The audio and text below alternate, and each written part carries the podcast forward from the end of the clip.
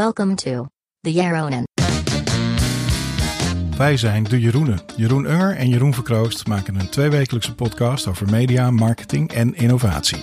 In deze episode cookies, Apple en Tidal, Google in het onderwijs, patent op geluid achter je, Brexit nieuws, Status as a Service, NFT, flowcharts, YouTube, CRISP en Noel terugpakken.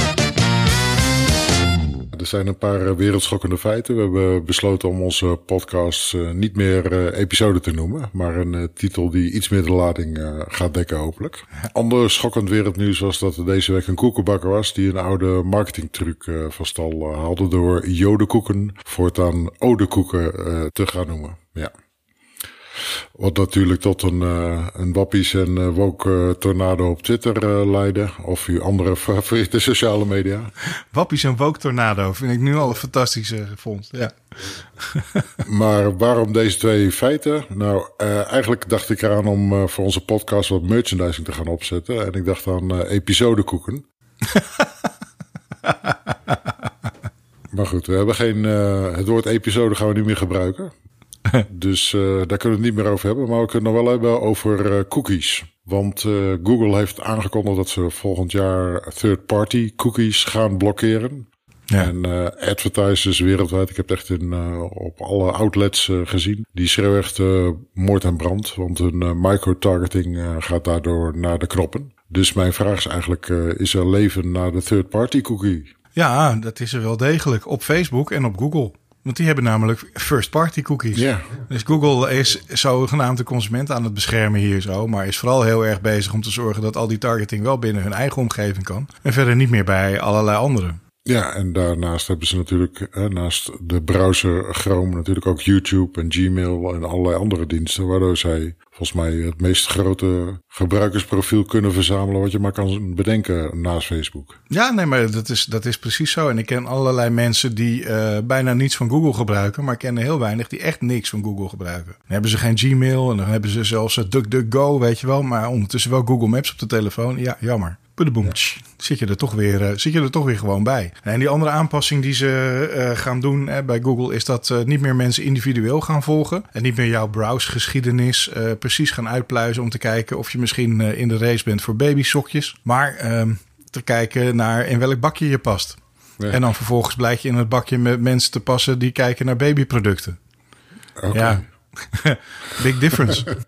Ja, ze noemen dat iets uh, dat ze het hebben over cohorts. Hè? Dus dat ze kijken vooral naar eigenlijk data van vergelijkbare groepen, vergelijkbare interesses. Ja, ik noem dat bakjes, maar cohort is natuurlijk het officiële woord. Alleen dat doet mij altijd aan uh, Griekse uh, oudheidsstrijders uh, denken die in cohort marcheren. Ja, maar daarmee gaat Google dus eigenlijk dezelfde kant op als Facebook. In de zin dat je dus volgend jaar waarschijnlijk veel beter kan targeten op basis van interesses. Wat iedereen natuurlijk op dit moment enorm aan het prijs is. Ja, kijk, uiteindelijk, we zijn natuurlijk helemaal niet zo uniek. En er zijn ook heel weinig adverteerders die in een uniek persoon ge geïnteresseerd zijn. Dat is eigenlijk helemaal niemand. Ik heb ook vaak zat geadverteerd en je denkt nooit, ik wil mevrouw Jans uit Laren bereiken.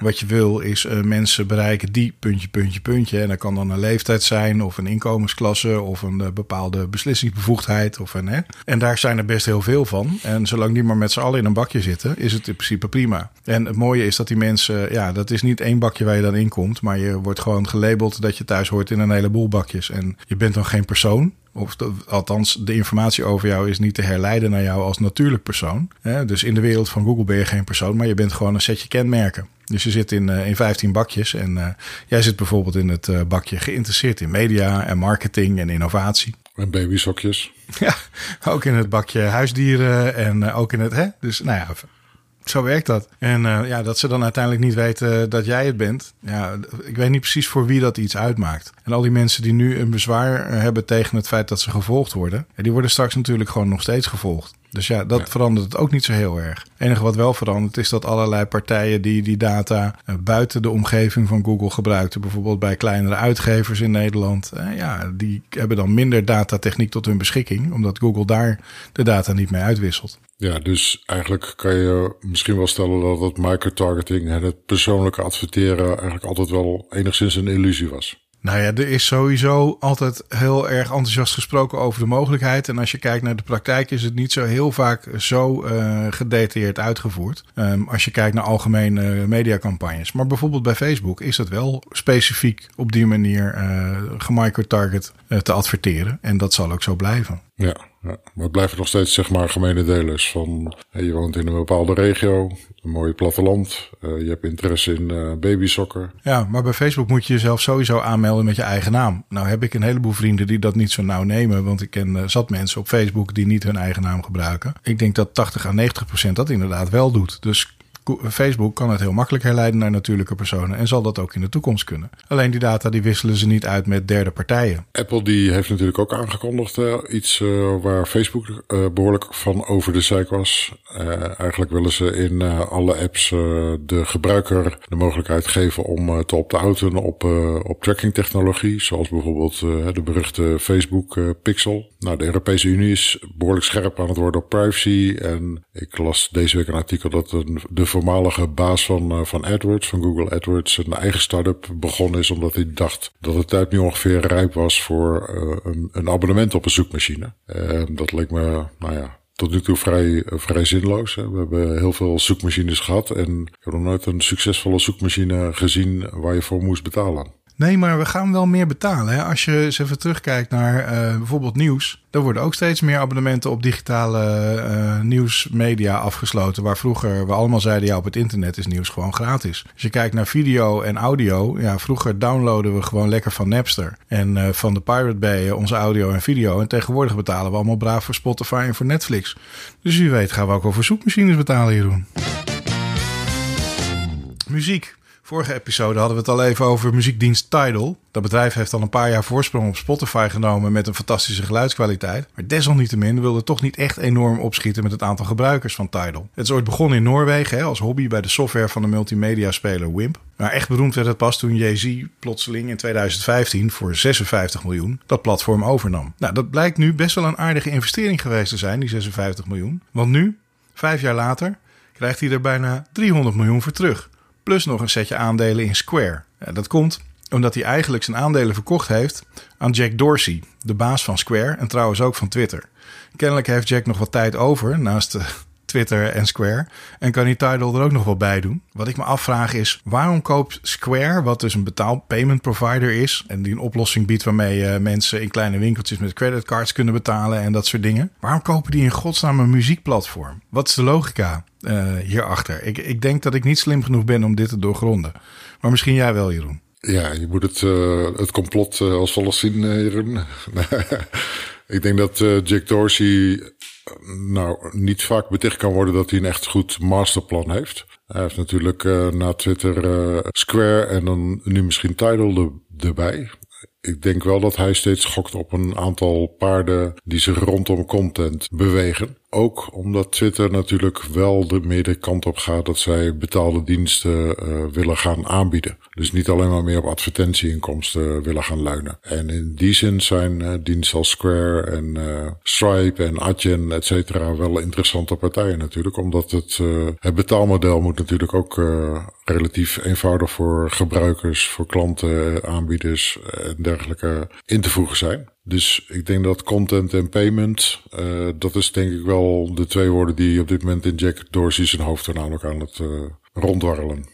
Oké, maar dan, als ik het goed begrijp, dan zeg je eigenlijk van joh, uh, dat Twitter, dat wordt nu langzaam maar zeker een soort platform waar je eh, lange verhalen in kunt gaan vinden. En waarin je nieuwsbrieven kunt gaan lezen en waarin je muziek kunt gaan luisteren. Dus het wordt eigenlijk een soort Zwitsers zakmes-app of uh, terwijl de strategie is dat we gaan rebundelen van diensten en daar dan een uh, betaalmechanisme achter hangen. Ja, ik denk dat uh, Twitter vorige week, week daarvoor heeft aangekondigd dat ze echt heel veel diensten willen gaan uitbouwen, uitbreiden. En eigenlijk weer volop willen inzetten op innovatie. Ze hebben natuurlijk het Nederlandse bedrijf GetReview overgenomen. Ze zijn nu bezig met Spaces, wat dan weer de Twitter variant van Clubhouse is. Nou, uh, ja, ik denk dat hij toch wel een soort ambitie heeft om, een, uh, om, om en een content provider te worden en een social media platform. Nou, misschien is hij wel op het uh, Chinese playbook overgestapt, weet je wel. Waar ze ook van die apps hebben waar je gewoon alles binnen doet van je bankzaken, je muziek luisteren, je e-mail schrijven, je agenda bijhouden, kopen, winkelen, alles. Misschien is hij, uh, is hij zoiets aan het, aan het doen. Zou dat het zijn?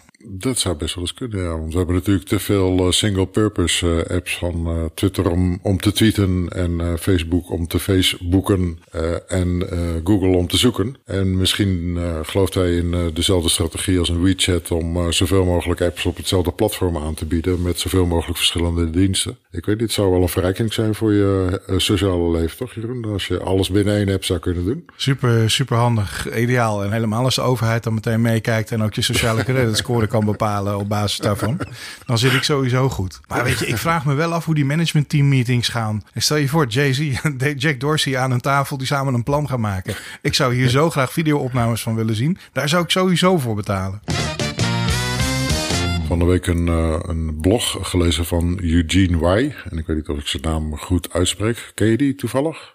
Is dat de broer van Hoa? Uh, het is in ieder geval uh, waarschijnlijk niet de broer, maar uh, wel iemand die in de Verenigde Staten van naam en faam echt hele mooie en hele lange blogs schrijft. Hij heeft een blog gepubliceerd. Nou, het is meer een boek eigenlijk. Het duurt best wel lang voordat je het uit hebt. Dus het is zeker geen tip voor onze, voor onze jongere luisteraars.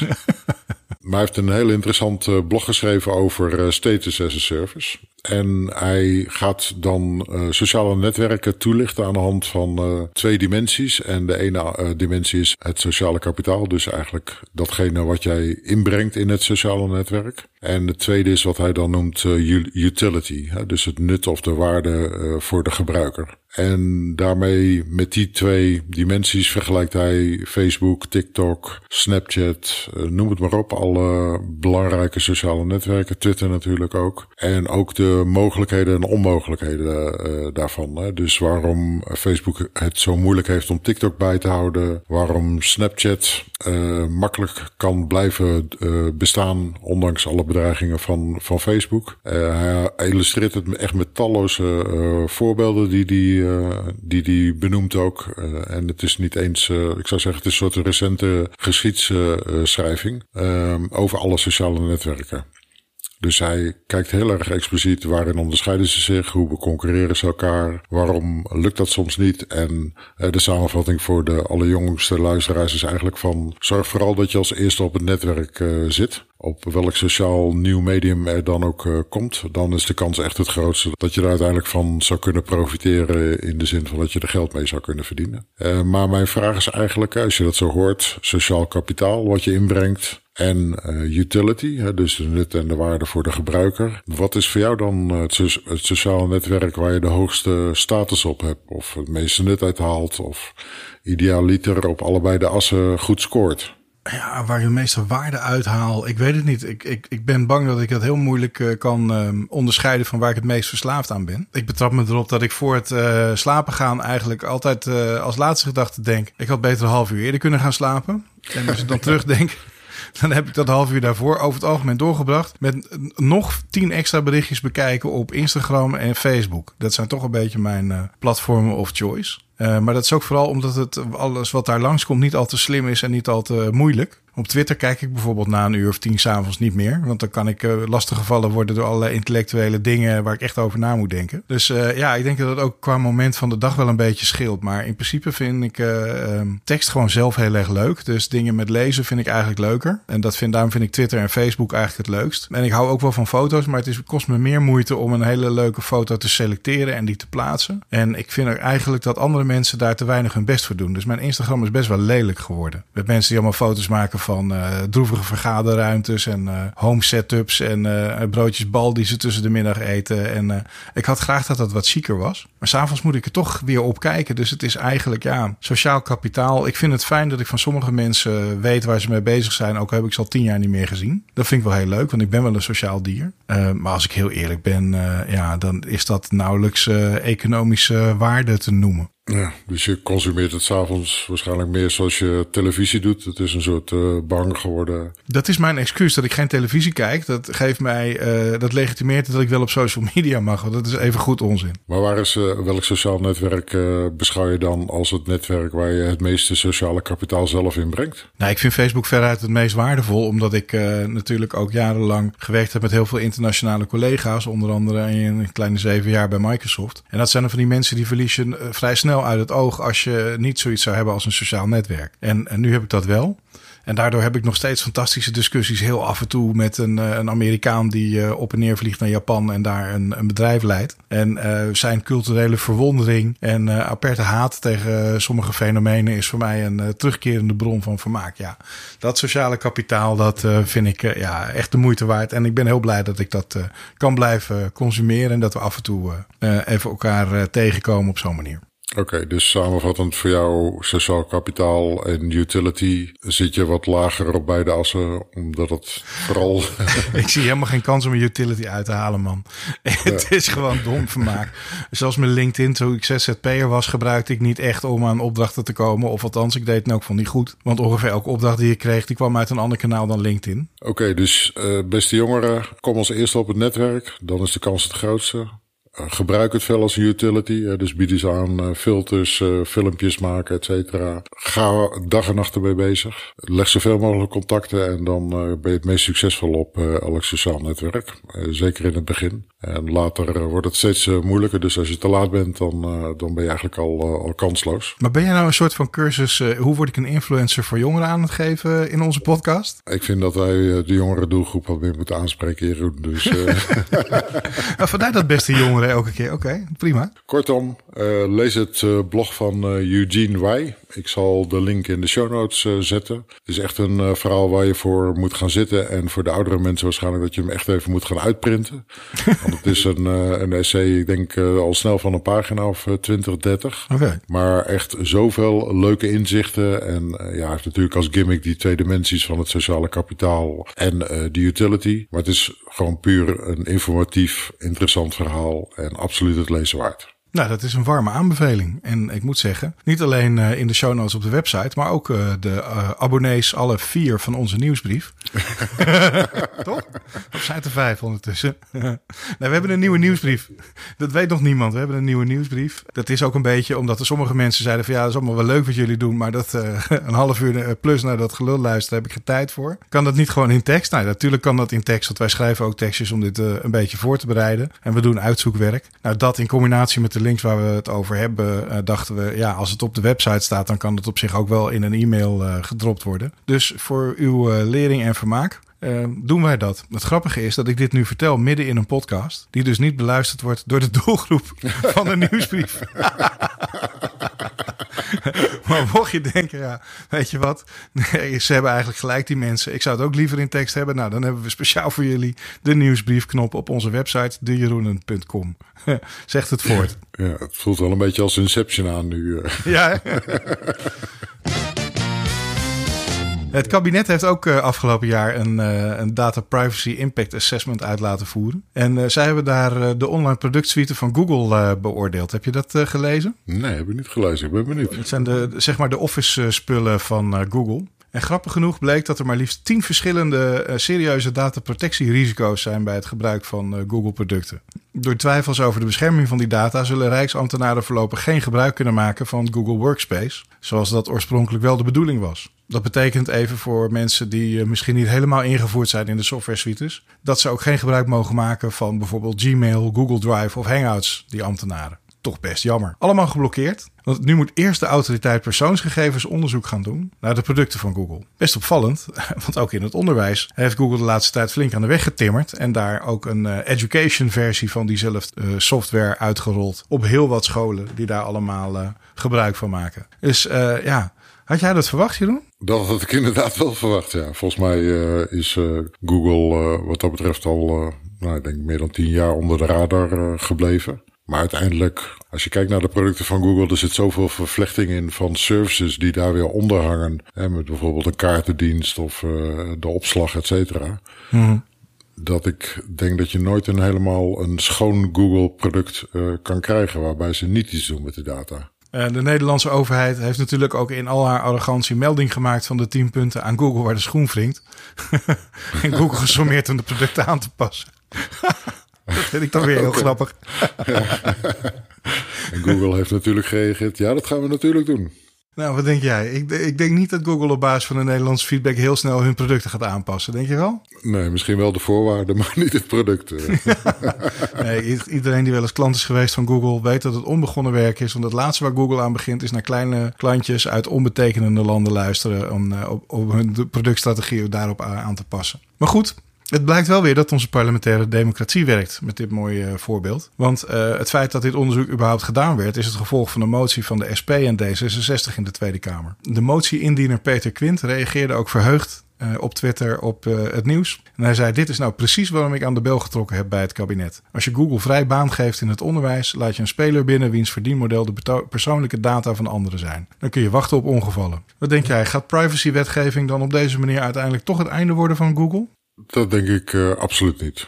Ik denk dat uh, als ik kijk naar uh, welke leermiddelen mijn kinderen gebruiken, dat er weinig diensten zijn die hun privacy echt uh, daadwerkelijk heel goed respecteren. sommige die hebben zelfs via Discord. Nou ja, ik weet niet of je überhaupt iemand binnen de Tweede Kamer weet wat Discord is. Laat staan dat ze de servicevoorwaarden kunnen vinden van Discord.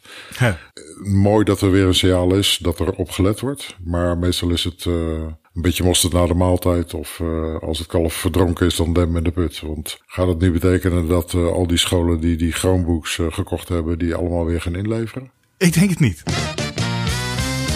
Ik heb nog wel een Brexit nieuwtje tussendoor. Het blijft maar komen. En uh, dit was een verhaal van een uh, mevrouw, een huilie verhaal van een mevrouw die een cosmetica bedrijf heeft in Engeland. Zij verkocht altijd heel goed in de Europese Unie, cosmetische producten. Maar toen kwam de brexit en op dat moment werd officieel alle parfumproducten vanuit Engeland als illegaal verklaard. Illegaal?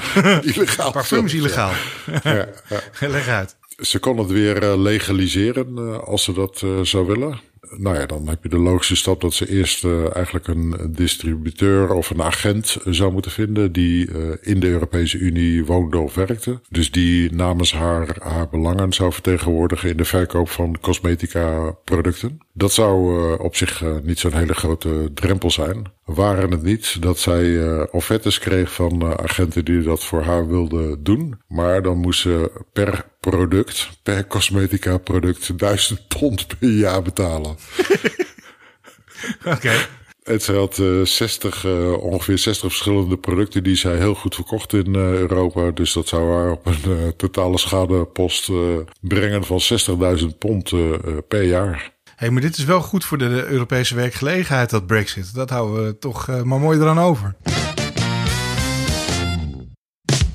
Hey, waar kwam dat geluid vandaan? Welk geluid? Dat is dus het soort vraag dat je jezelf niet meer hoeft te stellen als jij straks je Apple Head Mountable Device op je hoofd hebt. Dat is dus die slimme bril of hoofdtooi, ik heb geen idee, waar Apple al een tijdje aan werkt. En ik ontdekte dat er een nieuw patent is gedeponeerd door Apple, waarmee de ingebouwde microfoons in de, laten we het een bril noemen, jou visuele feedback kunnen geven op het glas van de bril over waar een bepaald geluid vandaan komt. Of waarmee dat geluid geduid kan worden. Nou is dat natuurlijk keihandig als je hartstikke doof bent. Maar ik ga er even vanuit dat Apple, uh, ook al wordt de doelgroep wat ouder, niet specifiek nu zich helemaal op de, op de dovenmarkt uh, gaat richten. dus er moeten nog meer toepassingen zijn die ze hierbij uh, bedacht hebben. ik ben nog wel een beetje op zoek naar het nut van de, van de toepassing. zie jij use cases onmiddellijk omhoog komen in je geestesoog? Ja, absoluut, ja. We hebben het wel een keer eerder gehad in een aflevering die we niet gepubliceerd hadden over 3D-geluid. die technologie daar, nou, is nog vrij uh, kostbaar. Daar heb je toch best wel een hele geavanceerde studio voor nodig. Het zou toch wel prachtig zijn als we naast augmented en virtual reality ook op geluidsgebied daar een aantal stappen zouden maken. En ook ja, 3D-geluid uh, zouden kunnen hebben. Dus dat je veel meer een beeld hebt van dat het geluid ook van achteren kan komen terwijl je vooruit kijkt. En dat je dus ook de positie kan bepalen van waar het geluid vandaan komt. En dan zie je dus op je bril zie je hele grote pijlen naar achter je.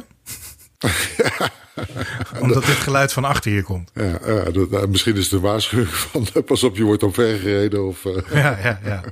Nou ja, goed, kijk, eh, op zich zijn microfoons natuurlijk in staat om veel meer te registreren en waar te nemen. En ook beter dan het menselijk oor doorgaans. Dus um, je zou natuurlijk ook gewoon een beetje in de buurt kunnen gaan staan. En dan, uh, weet je, nonchalant in de verte kijken. En ondertussen hele gesprekken kunnen. Dan wordt het meer de Apple afluisterbril, zeg maar. Ja, wat ik trouwens niet begrijp. Eerder heeft Apple toch aangekondigd dat ze uit privacy-overwegingen geen camera in een bril zouden stoppen. Maar goed, dan zie je iemand met een Apple-bril. En dan weet je dat hij supersonisch gehoor heeft. En dat hij alles wat je probeert, zeg maar, ver genoeg weg te zeggen, in principe toch nog kan meekrijgen. Dat is toch ook niet helemaal. Uh, ik weet het niet. Dan krijgen we toch weer de volgende generatie glassholes. Volgens mij zijn we blij dat we van de eerste generatie glassholes af zijn. Maar goed, dat patent betekent nog niet natuurlijk dat het ook daadwerkelijk in het uh, product uh, gaat komen. Vaak is de patentenoorlog is ook vaak een bescherming kiezen. Omdat er natuurlijk al superveel spelers zijn op, op het gebied van het maken van brillen, virtuele brillen, augmented uh, brillen, et cetera, et cetera. Uh, maar ze hadden de use case niet echt uh, bij beschreven anders dan je kan positie bepalen waar het geluid vandaan komt. Je visuele input die weergeeft uh, wat een, uh, de, de origine is van het uh, geluid en de richting waar het vandaan komt. Zo droog stond het erin. Dus ik was ook een beetje aan het denken van nou ja, waarom zou je dit willen?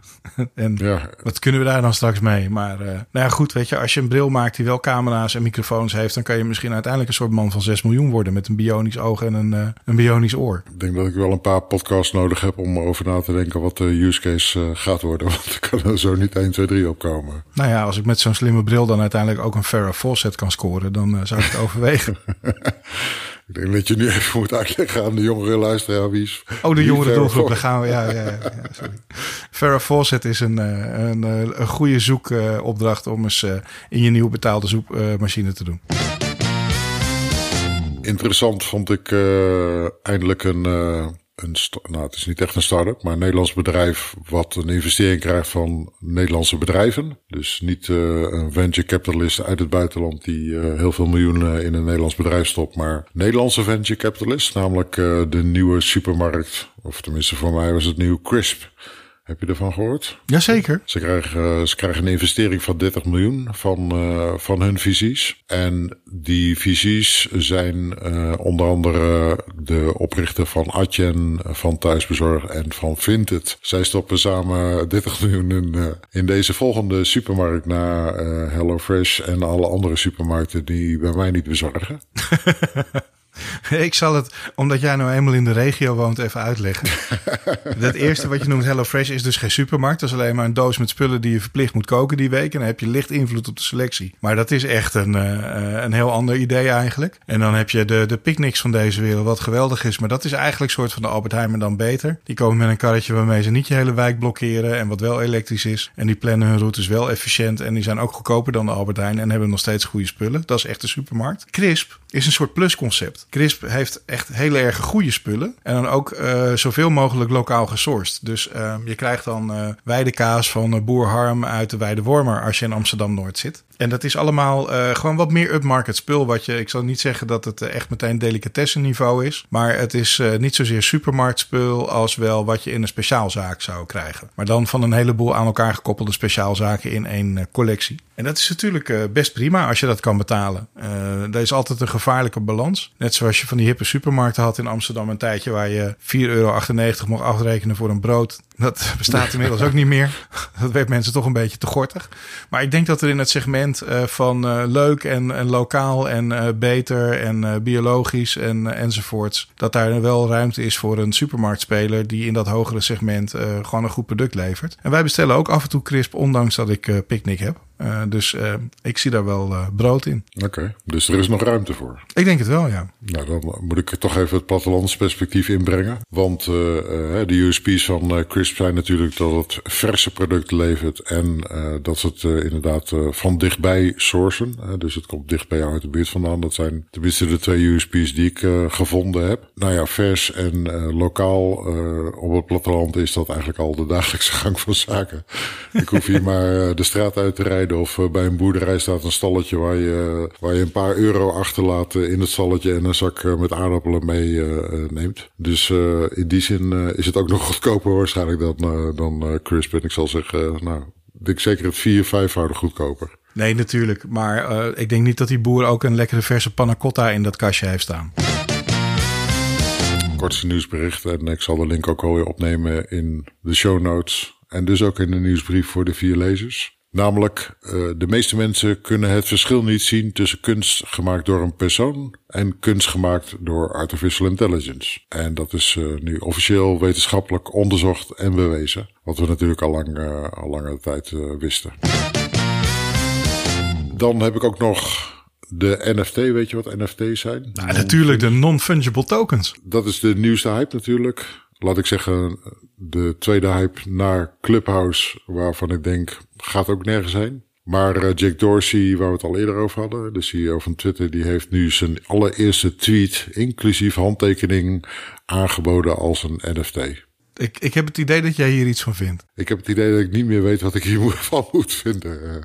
Nee, kijk, het is natuurlijk de, die eerste tweet, uh, die, kun je dan, uh, die kun je dan ownen. Je bent de eigenaar van die eerste tweet. En niemand anders kan er eigenaar van zijn, want uh, hij is uniek gemaakt door middel van die non-fungible token technologie. Dus dit zorgt er natuurlijk voor dat het een probleem oplost. Uh, en ik ga dat nu even formuleren als een probleem, maar daar kunnen we het nog over hebben. Dat op het internet alles wat je maakt van waarde oneindig gekopieerd kan worden, waardoor het zijn waarde verliest. En voor mensen die dingen creëren, is dat soms niet zo fijn. Weet je, dat je uh, kunstenaar bent, uh, is hartstikke leuk. Maar als jij één keer bijvoorbeeld een uh, 3D-model van iets heel moois waar je dagen aan gewerkt hebt online zet. En daarna deelt iedereen dat de moeder met elkaar. Dan kan je precies één keer je 3D-model verkopen. En daarna is het een soort van in het public domein. Of jij mag je, terwijl je eigenlijk ontwerper bent, gaan ver verbazen over hoe ingewikkeld het is om al die mensen toch nog te laten betalen. Dus dat is niet fijn. En daar is wel een oplossing voor. Om te kunnen zeggen van nou, ik maak deze digitale producten uh, met zo'n NFT-token op zo'n manier dat ze wel uh,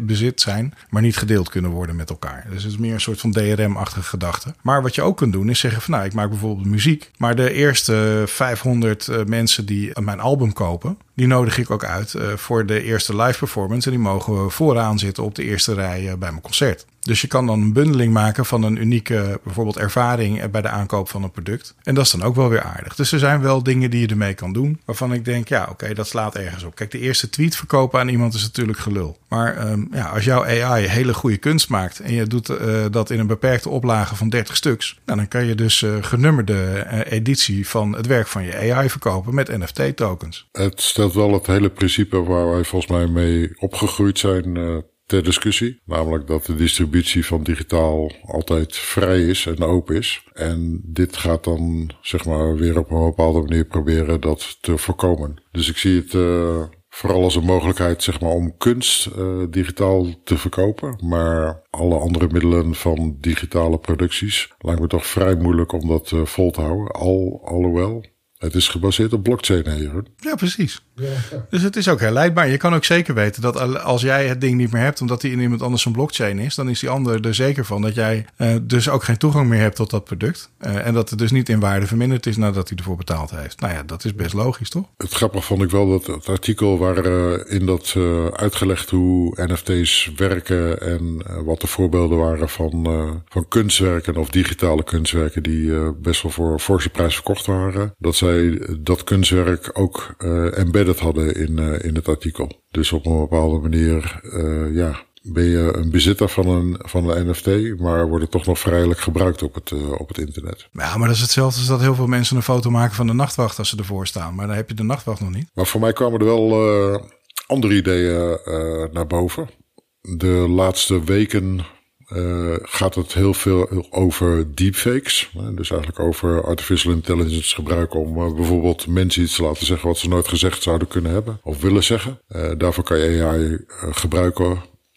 er zijn talloze voorbeelden geweest. Ik hoorde ook een hele interessante podcast van tegenlichten over dit onderwerp. En toen dacht ik aan de combinatie met, uh, met NFT en uh, de bedreiging van, van deepfakes. En toen dacht ik van oké, je zou eigenlijk ook nog de constructie kunnen bedenken. Maar dat is dan misschien weer een, een nieuwe app. Dat stel dat jij geïnterviewd wordt, uh, Jeroen, zoals je vorige week gedaan hebt samen met Pieter van Pleet. Dat je dan als interviewer en geïnterviewde op basis van een NFT eigenlijk zou kunnen valideren dat dit daadwerkelijk het originele interview is. En dat het geen deepfake van Jeroen Verkroon Joost is geweest die daar aan het praten was. Ja, dat vind ik eigenlijk wel een goed idee. Want voordat je het weet, uh, gebruikt iemand uh, die beelden uit dat interview. En dan uh, feliciteer ik ergens later dit jaar ineens Ajax met het behalen van drie prijzen aan het eind van het seizoen. En dat is dan misschien wel een mogelijkheid, maar nog niet iets wat ik ooit zou zeggen. Ik dacht, het is een soort tegenpatroon tegen, tegen artificial intelligence. Omdat het steeds meer als een bedreiging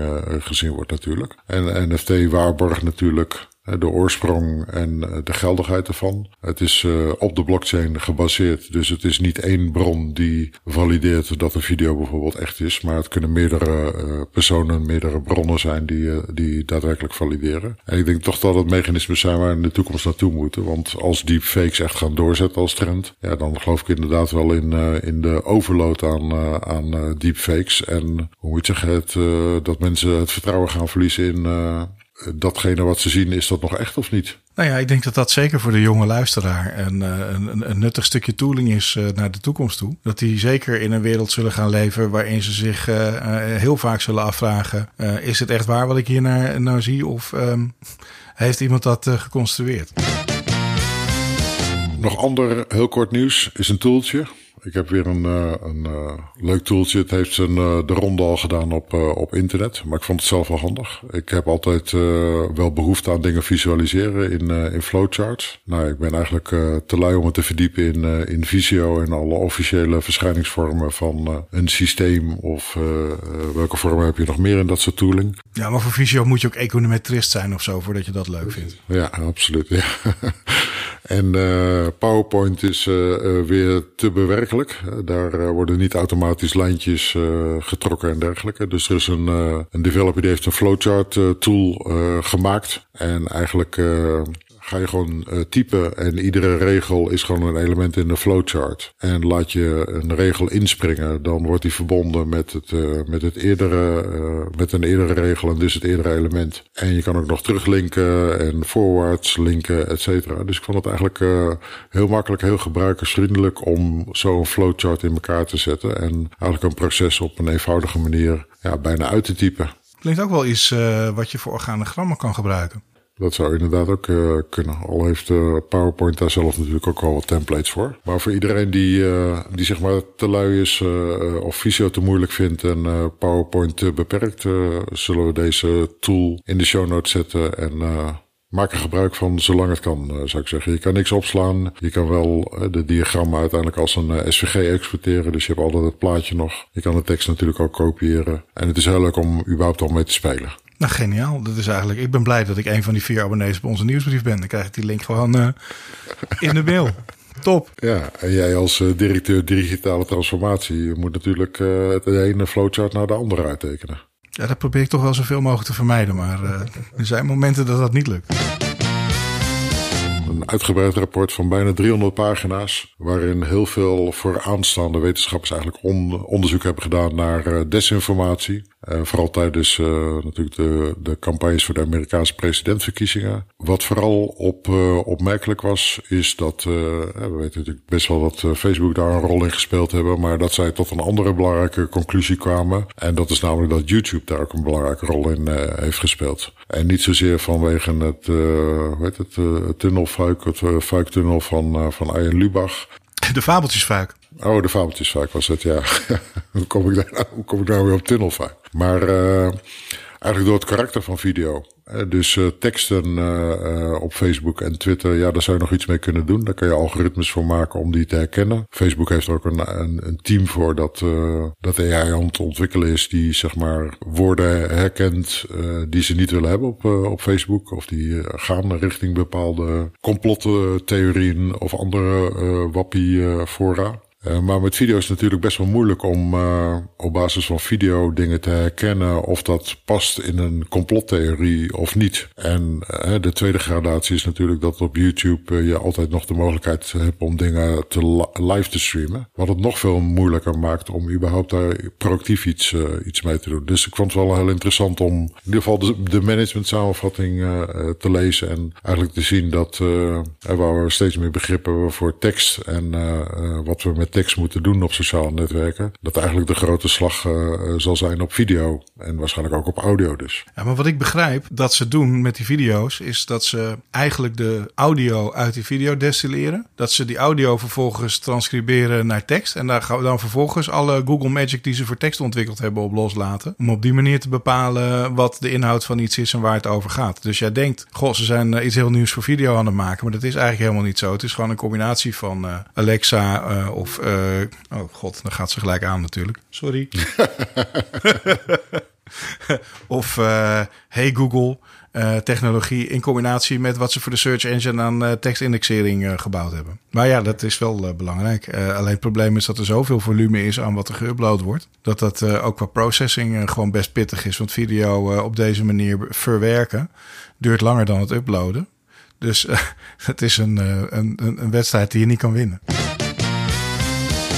En dat brengt me bij het allerlaatste korte nieuws, wat ik ook wel een interessante vond. Ik had het al eerder over een, uh, over een anti-pattern het tegenautomatiseren van uh, bepaalde tooltjes, uh, bijvoorbeeld op LinkedIn. Uh, hoe ga je om met deepfakes? En nu heeft iemand een best wel interessant stuk geschreven over wat moeten we doen met Big Tech? Hoe kunnen wij zeg maar, op een asymmetrische manier oorlog voeren tegen Big Tech? En dat was gewoon een gedachtespinsel. Dus eigenlijk hoe ga je een datagraaicultuur, zoals het wel eens schertsend wordt omschreven door politici, hoe ga je daar iets tegen inbrengen? En hij had drie strategieën bedacht die ik graag even wilde noemen. En het artikel delen we natuurlijk weer in de show notes voor de vier nieuwsbrieflezers. Uh, de eerste was uh, een data strike. Dus eigenlijk een staking van data. Dus besluiten om massaal met een hele grote groep mensen, bijvoorbeeld een dag of een paar dagen, geen sociale media te gebruiken, et cetera, et cetera, om geen data te voeden aan het beest. Dat zie ik niet gebeuren, maar charmante gedachte. Nou, we hebben natuurlijk wel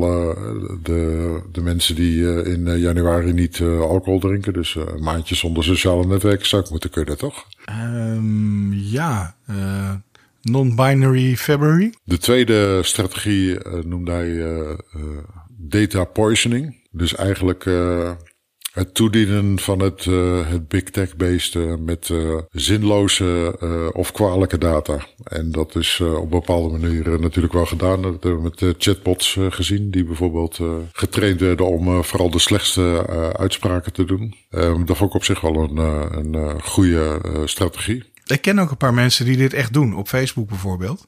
Ja. Uh, een van mijn uh, ex-collega's uh, bleek later ook ooit een zanger geweest te zijn van een hele beroemde hardcore band in Amerika in de categorie Black Flag en dan linksaf richting meer extreem. En dat is nou ook zo'n man die op Facebook eigenlijk regelmatig dingen post die echt totale waanzin zijn. Uh, maar dat ook bewust doet om te zorgen dat, dat hij daarmee het datamodel van Facebook in de war brengt. Dus dan uh, praat hij uh, ineens over de bomaanslag die hij aan het voorbereiden is. door middel van het gebruiken van vele gallons aan whisky. En weet je, er zitten dan allemaal trefwoorden in waarop allerlei systemen alarmbellen af zouden moeten gaan. En als je het leest als mensen, hebben ze iets van: oké, dit is echt pure fictie. Gewoon geschreven om algoritmes te treiteren. Daar komt het eigenlijk op neer. Maar het is eigenlijk als sociale feed content best onderhoudend. Ondanks dat het daar niet voor bedoeld is. Dat is wel grappig. Er is uh, ook een uh, browser-extensie voor Chrome.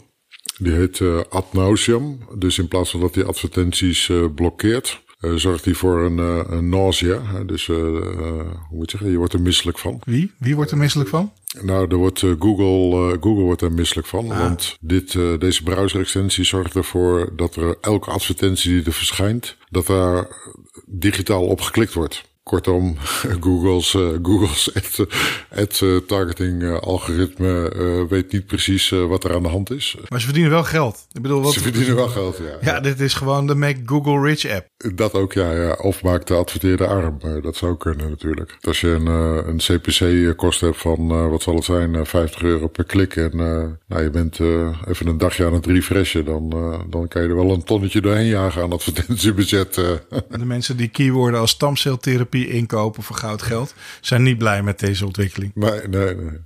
Maar het leuk dat er in ieder geval een toeltje voor is. Ja. En de laatste is uh, de Conscious Data Contribution. Dus de bewuste keuze om data ergens uh, uh, ter beschikking uh, te stellen. En dan gaat het om, uh, waar zij dan over praten, over meaningful data. Dus het moet echt zinvolle data zijn. Maar die moet je dan geven aan de concurrent van het platform uh, waar je tegen wil protesteren. Dus dat gaat eigenlijk ook weer om dat je heel veel gebruikers zou moeten verenigen. Door bijvoorbeeld al je Facebook foto's op Tumblr te zetten of op Reddit.